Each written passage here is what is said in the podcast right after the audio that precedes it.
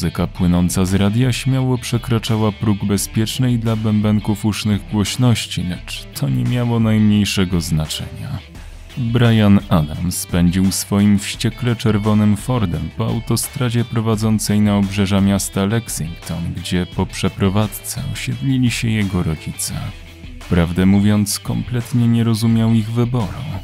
Stare mieszkanie w bloku może było małe, ale za to położone w centrum wielkiego Louisville, skąd wystarczyło zrobić dwa kroki, by znaleźć się w markecie czy sklepie odzieżowym. Teraz muszą odpalać silnik wielopokoleniowego gruchota, pamiętającego czasy wojny secesyjnej, by kupić w sklepie drożdże do ciasta. Skręcił ostro w lewo, piszcząc przy tym oponami po rozgrzanym od południowego słońca asfalcie. W nowym domu rodziców spędzić miał zaledwie dwa miesiące wakacji. Potem znowu wracał do barwnego, rozimprezowanego życia studenta Wyciął Resocjalizacji i Socjoterapii. Brian podkręcił głośność muzyki o kolejnych 5 stopni i śpiewając słowa piosenki, przy okazji okropnie fałszując, wdusił pedał gazu, przeczesując palcami gęstą, kruczoczarną czuprynę. Miał nadzieję dotrzeć do domu rodziców przed zachodem słońca. Nigdy nie wiadomo, kto może przechodzić pozornie bezludnymi ulicami po zmroku. W myślach widział siebie, jak ulega pokusie podwiezienia pięknej nieznajomej, która w następnej chwili zamienia się w mackostwora pożerającego ludzkie serca. Mniej horrorów, zdecydowanie mniej horrorów, Brian, pomyślał. Mężczyzna westchnąwszy ciężko, skupił się na drodze, opuszczając na nos przeciwsłoneczne okulary. Bóg nie zdążył jeszcze zgasić słońca, a blada poświata księżyca odcinała się na tle miarowo ciemniejącego nieba, gdy Brian wtoczył się z cichym warkotem silnika na podjazd domu rodziny Adamsów. Miał szczęście w nieszczęściu. Poziom benzyny przedstawiał alarmująco niski stan. Brunet wysiadł z auta i taszcząc za sobą walizkę na kółkach, ruszył przez podwórze w stronę domu. Brian zmarszczył brwi, ogarniając wzrokiem ogromny budynek. Nazwałby to raczej na wpół przeżartą przez korniki ruderą z powybijanymi oknami, zasłonami w strzępach i spruchniałymi deskami, z których schodziła płatami brudna żółta farba, aniżeli domem. Jednak nie bąknął na ten temat ani słowa przy rodzicach. Nie chciał robić im przykrości. Wiedział, jak wielkie nadzieje i plany wiązali z remontem posiadłości. Liczył jedynie na to, że dom w środku będzie wyglądał lepiej niż z zewnątrz. Pomyłka kosztowała go rozczarowanie i parę ciężkich westchnień. Synku! Susan, dotychczas zajęta smażeniem naleśników na pokrytej plamkami rdzy kuchence gazowej, teraz podbiegła do Briana i uściskała go tak mocno, iż czuł, jak jego wątroba i żołądek zamieniają się miejscami. Matka była o głowę niższa, lecz zawsze miała siłę w rękach, chociaż jej drobna postura na to nie wskazywała. Założyła pasmo jasnych włosów za ucho i wpatrywała się uparcie w twarz syna, chcąc jak najszybciej dowiedzieć się dosłownie wszystkiego. Jak minęła ci podróż? Dobrze się jechało? W wiadomościach podawali, że ponoć w nocy będzie mróz, więc dobrze, że zdążyłeś przed zmrokiem. A kupiłeś zegar ścienny, o który cię prosiłam? Stary całkiem się zepsuł. Wydęła wargi z niezadowoloną miną, przechodząc z powrotem do niewielkiej kuchni. Brian uśmiechnął się promiennie. Brakowało mu zarówno paplaniny Susan, jak i jej słynnych placków.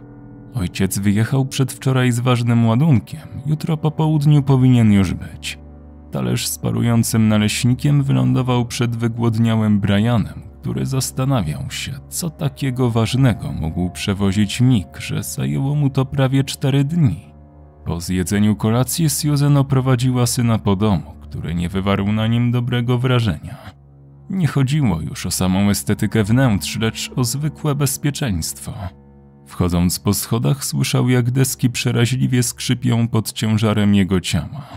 Wspomniał o tym matce, lecz ona jedynie machnęła lekceważąco ręką, uparcie twierdząc, że lada chwila zaczną remont. Zaprowadziła syna do jego pokoju, po czym wyszła, zamykając za sobą drzwi. Brian po powierzchownym rozpakowaniu walizki i zdjęciu koszulki rzucił się na łóżko, ale zaraz tego pożałował, bowiem w powietrze wzbiła się prawdziwa chmura kurzu. Poza tym niektóre ze sprężyn powybijały się z posłania, stercząc niczym maszty statku. Brunet jednak zamknął już oczy, zapadając w iście kamienny sen. O ile w pokoju Briana przy mocniejszym pociągnięciu drzwi szafy wypadły z zawiasów, a w szafce nocnej znalazł istny sweter z pajęczych nici i kurzu, o tyle w łazience było znacznie gorzej. Kawałki pękniętego lustra leżały na podłodze, a z kranu zamiast wody płynęła rdza. Ponadto brunet odkrył gniazdo karaluchów w kabinie prysznicowej i z łatwością podjął decyzję o nieniepokojeniu ich. Susan krzątała się w kuchni, przyrządzając śniadanie, na które obecnie Brian wcale nie miał apetytu.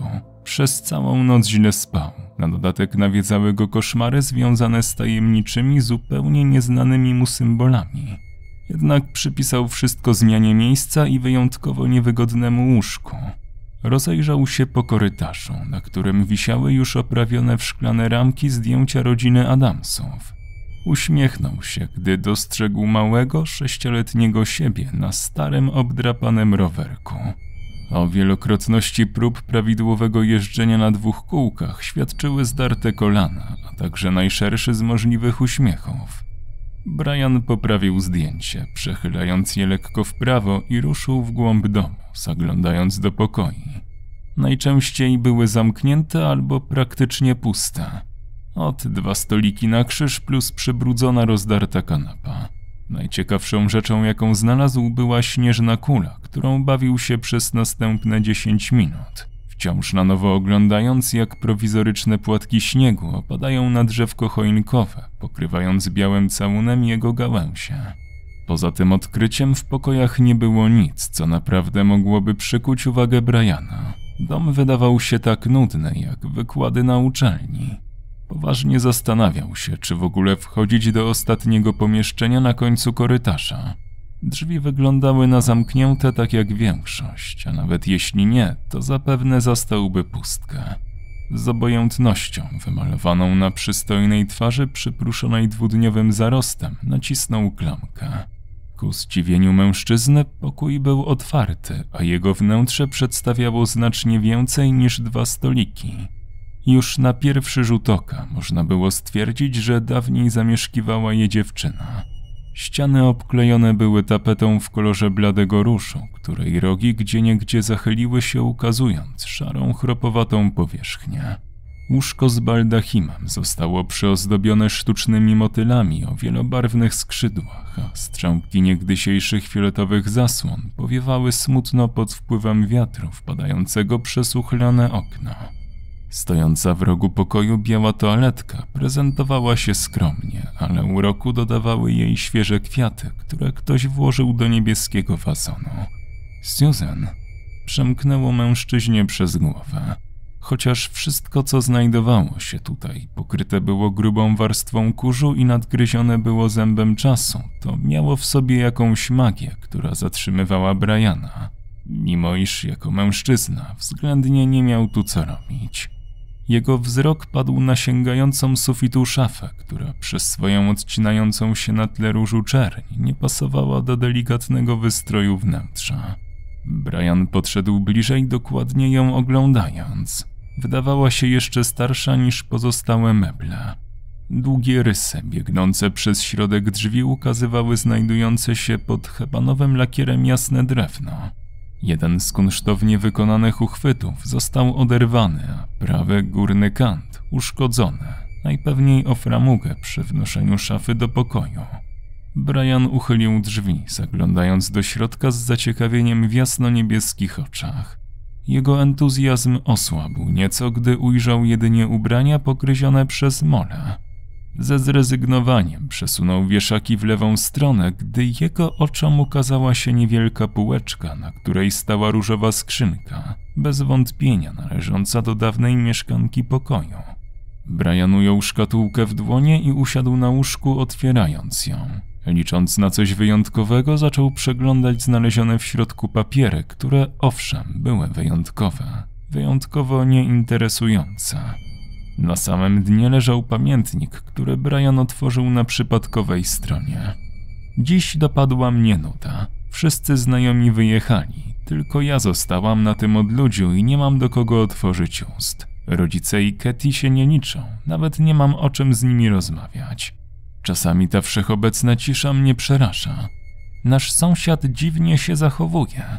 Ciągle wydaje mi się, że obserwuje nasz dom i śledzi każdy mój ruch.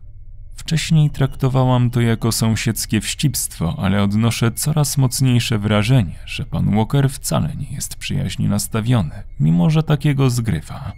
Zastanawiający jest także fakt, że nikt z mojej rodziny poza mną nie dostrzega żadnych dziwactw w jego zachowaniu. Brian skończył czytać notkę i powoli obrócił głowę w stronę okna, gdzie kilkaset metrów dalej stał dom ich sąsiadki, pani Finn.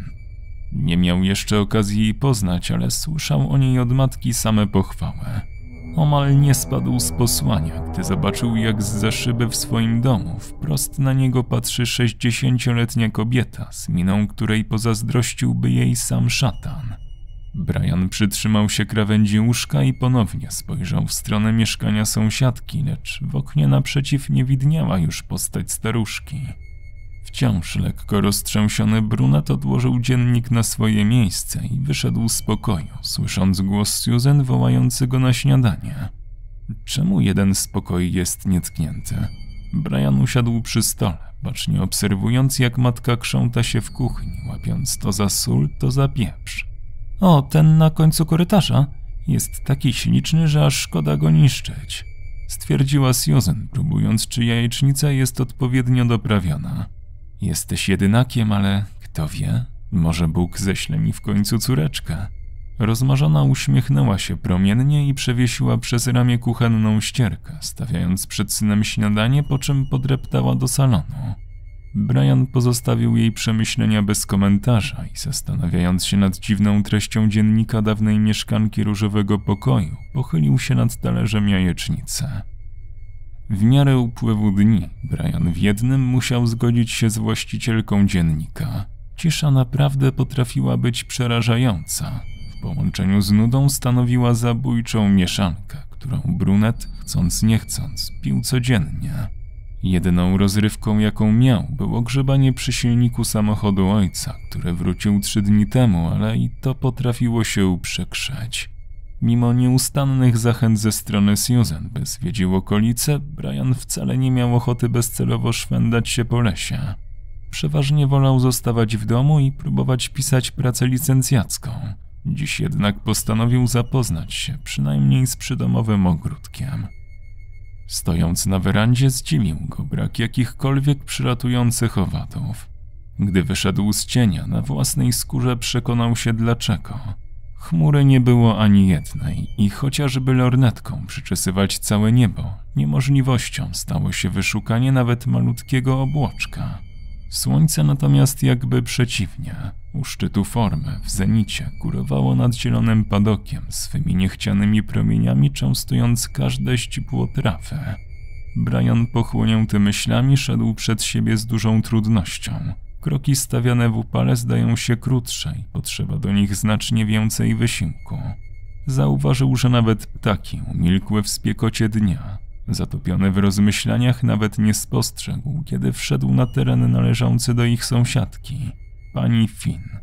Na długich, grubych sznurach rozwieszane były prześcieradła, zresztą w zupełności już suche z powodu dzisiejszej pogody. Brian wkroczył pomiędzy niej, przez chwilę bezmyślnie przyglądał się, jak delikatnie falują pod wpływem ciepłego wiatru. Nagle usłyszał chichot. Zmarszczył brwi bystrzając. Obrócił się, dostrzegając kątem oka przemykający cień. Śmiech nie ustawał, dobiegając ciągle z innego miejsca, a ciemna plama przemykała tak szybko i niespodziewanie, że Brianowi nie udało się uchwycić sylwetki sprawcy głupich żartów. Wciąż obracając się wokół siebie, wpadł w irytację. Dość tego. Rozesilony zdarł ze sznura jedno z prześcieradeł. Porumieniał, gdy jego oczom ukazała się niewysoka postać siwej sześćdziesięciolatki, patrzącej na niego z pogodnym uśmiechem. Lekko zgarbiona, miała zarzucony na plecy gruby, czerwony sweter, mimo upału dnia. Zażenowany Brian przeprosił, oddając jej materiał. Jeszcze raz przepraszam. Byłem pewien, że ktoś tu jest i. Ależ nie ma sprawy, przerwała mu szybko staruszka, ciągle uśmiechając się. I tak już są suche i muszę je zebrać, zapewniła, zbierając ze sznurów kolejne kolorowe spinacze. Złożyła prześcieradło, bacznie obserwując swoimi łudząco podobnymi do kocich, zielonymi oczami, jak brunet w ramach rekompensaty pomaga jej, co prędzej zbierając pozostałe płótna. Dziękuję, Brianie. Wyciągnęła kościste, spracowane dłonie po resztę prześcieradeł.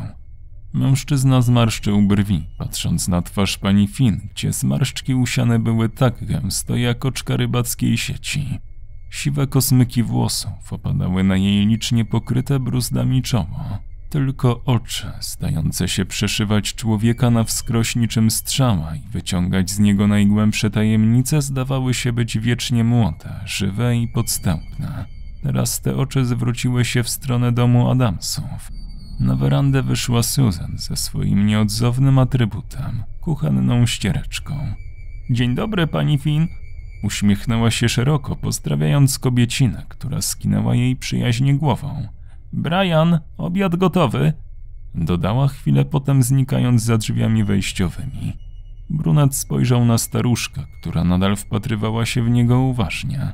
Pożegnał się grzecznie i obrócił, by odejść, lecz poczuł nagły ucisk na przedramieniu.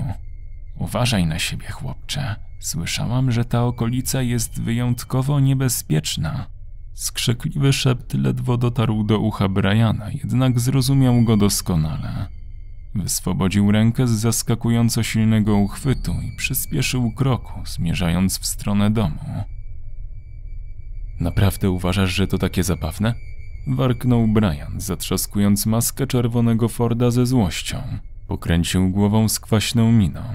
Dotychczas sprawny samochód właśnie dziś złapał awarię silnika, której źródła brunet nie potrafił dociec i to wściekało go najbardziej. Chociaż chwilę potem musiał przyznać, że śmiech Susan patrzącej z rozbawieniem na jego bezowocne starania naprawy auta był nie mniej denerwujący. Że też akurat dzisiaj musiał jechać do miasta. Miał kilka spraw niecierpiących zwłoki, więc nie mógł przekładać ich w nieskończoność, jak zazwyczaj robił z drobnostkami. Jedynym środkiem lokomocji, jaki mu pozostawał, był jego stary rower. Ojca znowu wywiało z ładunkiem w świat. Przepełniony żalem do zawodnego auta, Brian rzucił próbującej stłumić śmiech kuchenną ściereczką matce nienawistne spojrzenie przemrużonych oczu. Wyjdzie ci to na zdrowie. Usłyszał jeszcze wesołe słowa Susan. Przewrócił oczami, zmierzając w stronę garażu po rower. Był tam i wcale nie wyglądał na zdatnego do użytku. Brian ledwo zdołał rozpoznać w tym zardzewiałym gruchocie swojego wiernego lakiego, którym zawsze jeździł do szkoły i z powrotem. Po wyciągnięciu go na światło dzienne zauważył między ramą gęste pajęcze sieci, sam rower przy choćby lekkim ruchu kołem wydobywał z siebie jęki zbliżone tonem do tych wydawanych przez dusze cierpiące najgorsze katusze w ostatnim z kręgów piekieł. Westchnąwszy, Brian złapał się pod boki, patrząc z dużą dozą pesymizmu na Lakiego. Zupełnie odechciało mu się wybierać do miasta, lecz wiedział, że nie ma większego wyboru. Gruchota trzeba było umyć, polakierować i naoliwić, a Brian, z natury śmierdzący leń, nie miał na to najmniejszej ochoty. Wtem kątem oka dostrzegł jakiś błysk. Z łatwością zlokalizował jego źródło okno domu pani Finn. Palcami przeczesał czarną czuprynę, zastanawiając się, co może powodować taką unę światła, jaka teraz wydobywała się z wnętrza mieszkania staruszki. Brian rzucił spojrzeniem na rower i bez namysłu podjął decyzję o zbadaniu zagadkowego zjawiska. W połowie drogi uświadomił sobie, jak głupio musi wyglądać, zakradając się w biały dzień pod dom sąsiadki, lecz nie zrezygnował z dalszych podchodów. Kierowała nim nie tyle niechęć do czyszczenia lakiego, co pragnienie zbadania dziwnego światła. Przez chwilę doznał wrażenia, jakby znowu miał sześć lat i robił z każdego głupstwa wielkie tajemnice. Wkraczając na teren posesji pani Finn, poczuł się nieswojo. Zakradł się pod okno i powoli, bardzo niepewnie zerknął do wnętrza mieszkania staruszki. To, co zobaczył, zmroziło mu krew w żyłach i przyprawiło o długotrwałe zatrzymanie oddechu. Szeroko otwartymi oczami przeczesywał cały pokój, monitorując uważnie każdy jego skrawek. Na podłodze, w równych odstępach na narysowanym pewną linią okręgu stało dwanaście zapalonych świec, w tym także kilka na parapecie i półkach. Więc było na tyle jasno, że Brian z łatwością dostrzegł ołtarzek, który mimo powszechnego przeznaczenia jako miejsce modlitwy, w tym przypadku wcale do niej nie służył. Symbole odwróconych krzyży i inne znaki rzucały się w oczy na tyle, by nie móc oderwać od nich wzroku. Brian był pewien, że jeden z większych pojawił się w jego śnie po przyjeździe do domu. Także wielki pentagram w środku okręgu na podłodze nie świadczył o pobożnym usposobieniu pani Finn. Rozglądając się po pomieszczeniu, dostrzegł obrazek leżący u szczytu jednego z ramion pentagramu. Wokół niego rozsypany był ciemnozielonej barwy proszek. Brian wytężył wzrok, starając się dostrzec, co przedstawia zdjęcie. Przecież to ja! Uświadomił sobie ze zgrozą, cofając się od okna. Wtem, tuż za szybą, wyrosła postać staruszki, która zakrzywionymi w dół ustami, smarującą się złością w małych, wrednych oczkach, obserwowała w milczeniu, jak Brian ze strachu upada na ziemię. Światło świec odbijało się od jej bladej skóry, tworząc upiorne cienie pod oczami. Brunet czuł, jak przerażenie paraliżuje jego ciało. Ciarki wskoczyły na jego plecy, niczym wytrawny jeździec dosiada swojego rumaka i wbiły w barki ostrogi strachu, które zmobilizowały Briana do ucieczki. Gdy w popłochu wsiadł na zupełnie nieodrestaurowanego lakiego i czym prędzej popedałował w stronę miasta, ta stała tam nadal, milcząca, nieruchoma, cierpliwa. Niech to sznak, zaklął Brian, osłaniając głowę dzisiejszym wydaniem Kentucky News. Niebo zasnuło się chmurami już dobre trzy godziny temu, a deszcz nieprzerwanie lał jak z cepra. Śliska asfaltowa droga, tylko w połowie zdatny do użytku rower i ulewa. Wszystko to składało się na chęć jak najszybszego powrotu Briana do ciepłego mieszkania. Pedałował zawzięcie, jakby od tego zależało jego życie.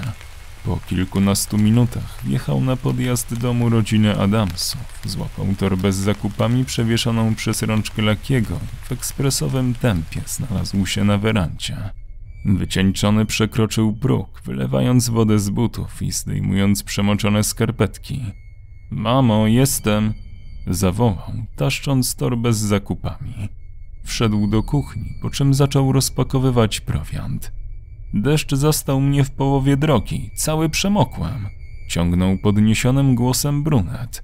Susan ciągle się nie odzywała, więc pomyślał, że ogląda telewizję za zamkniętymi drzwiami w salonie.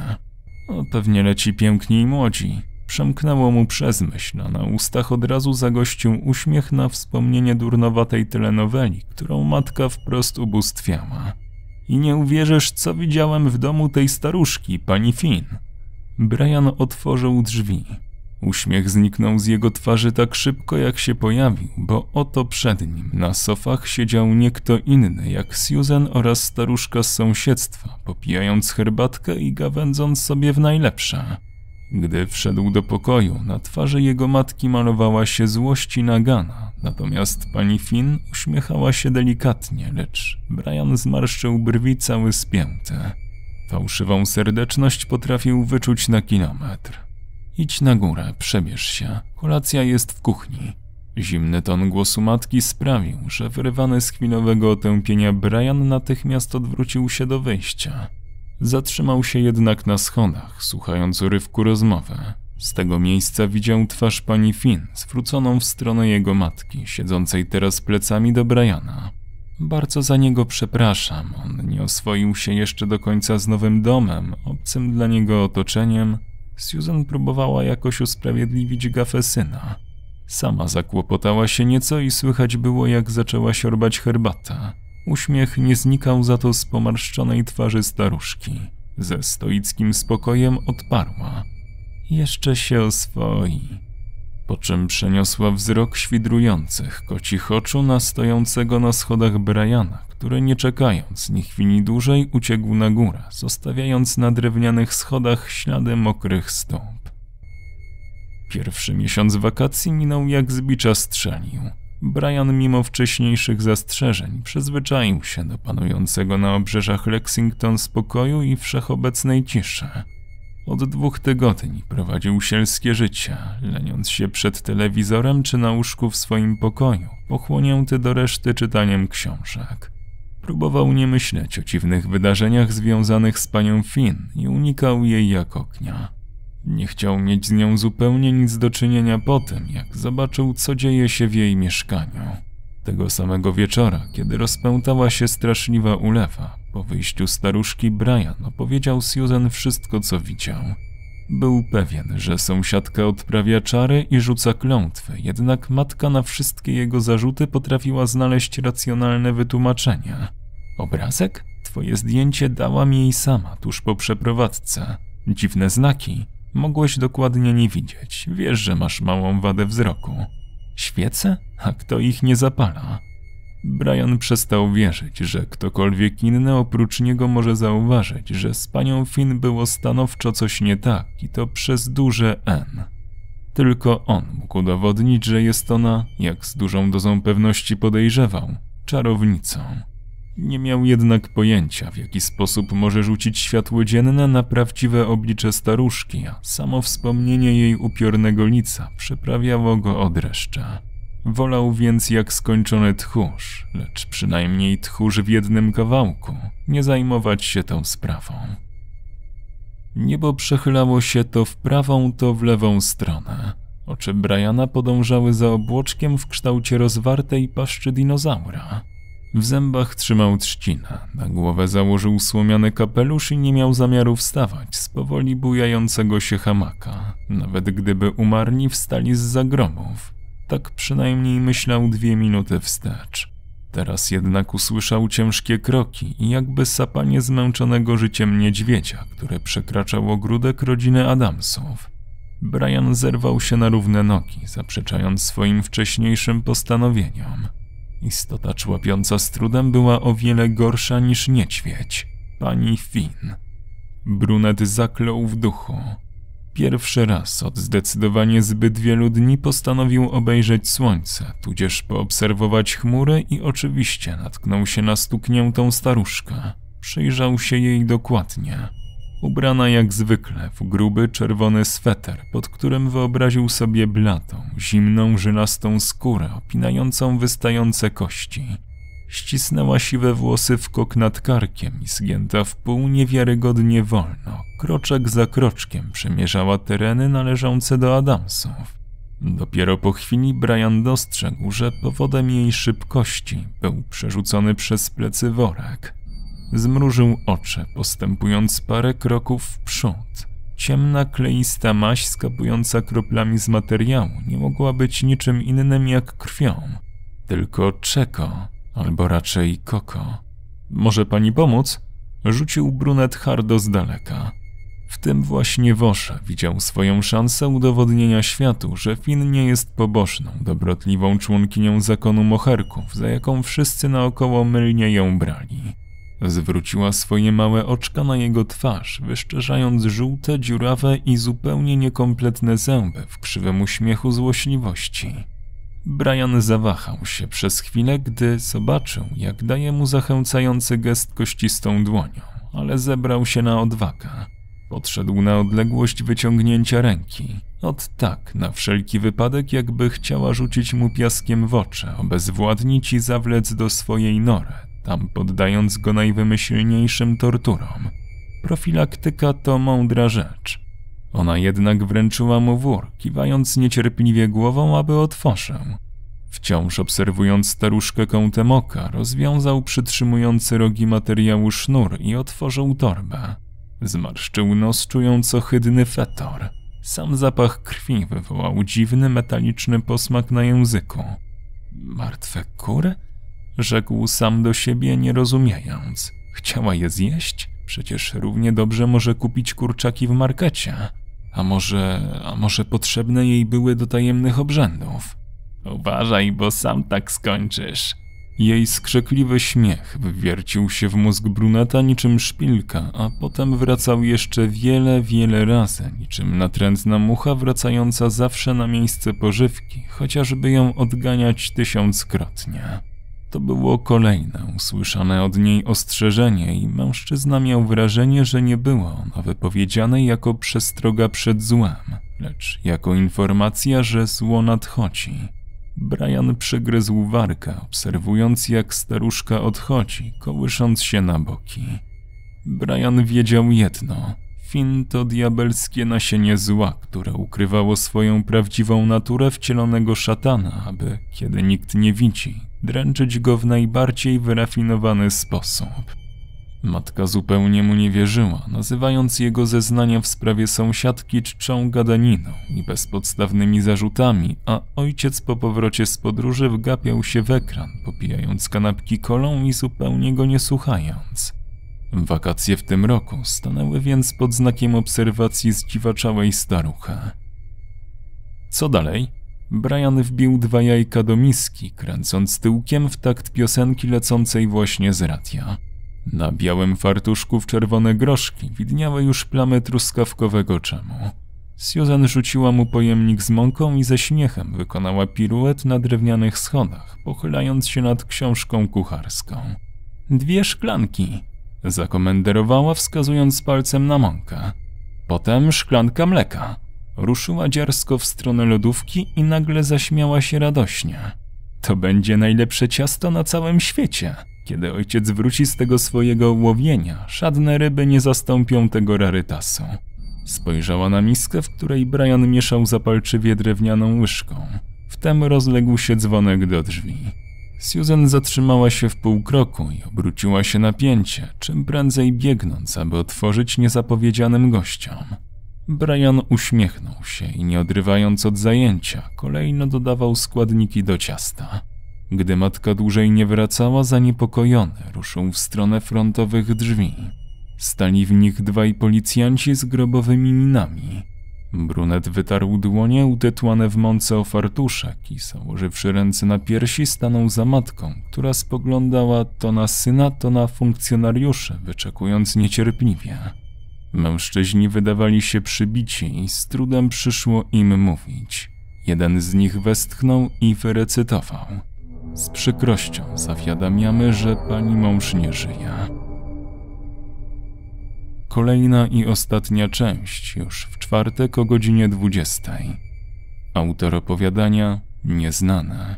Czytał Quadrotes.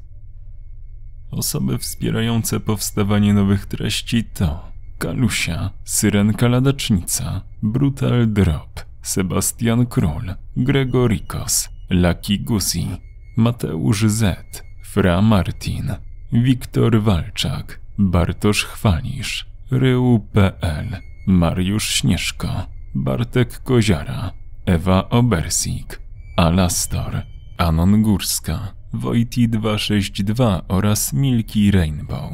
Do usłyszenia.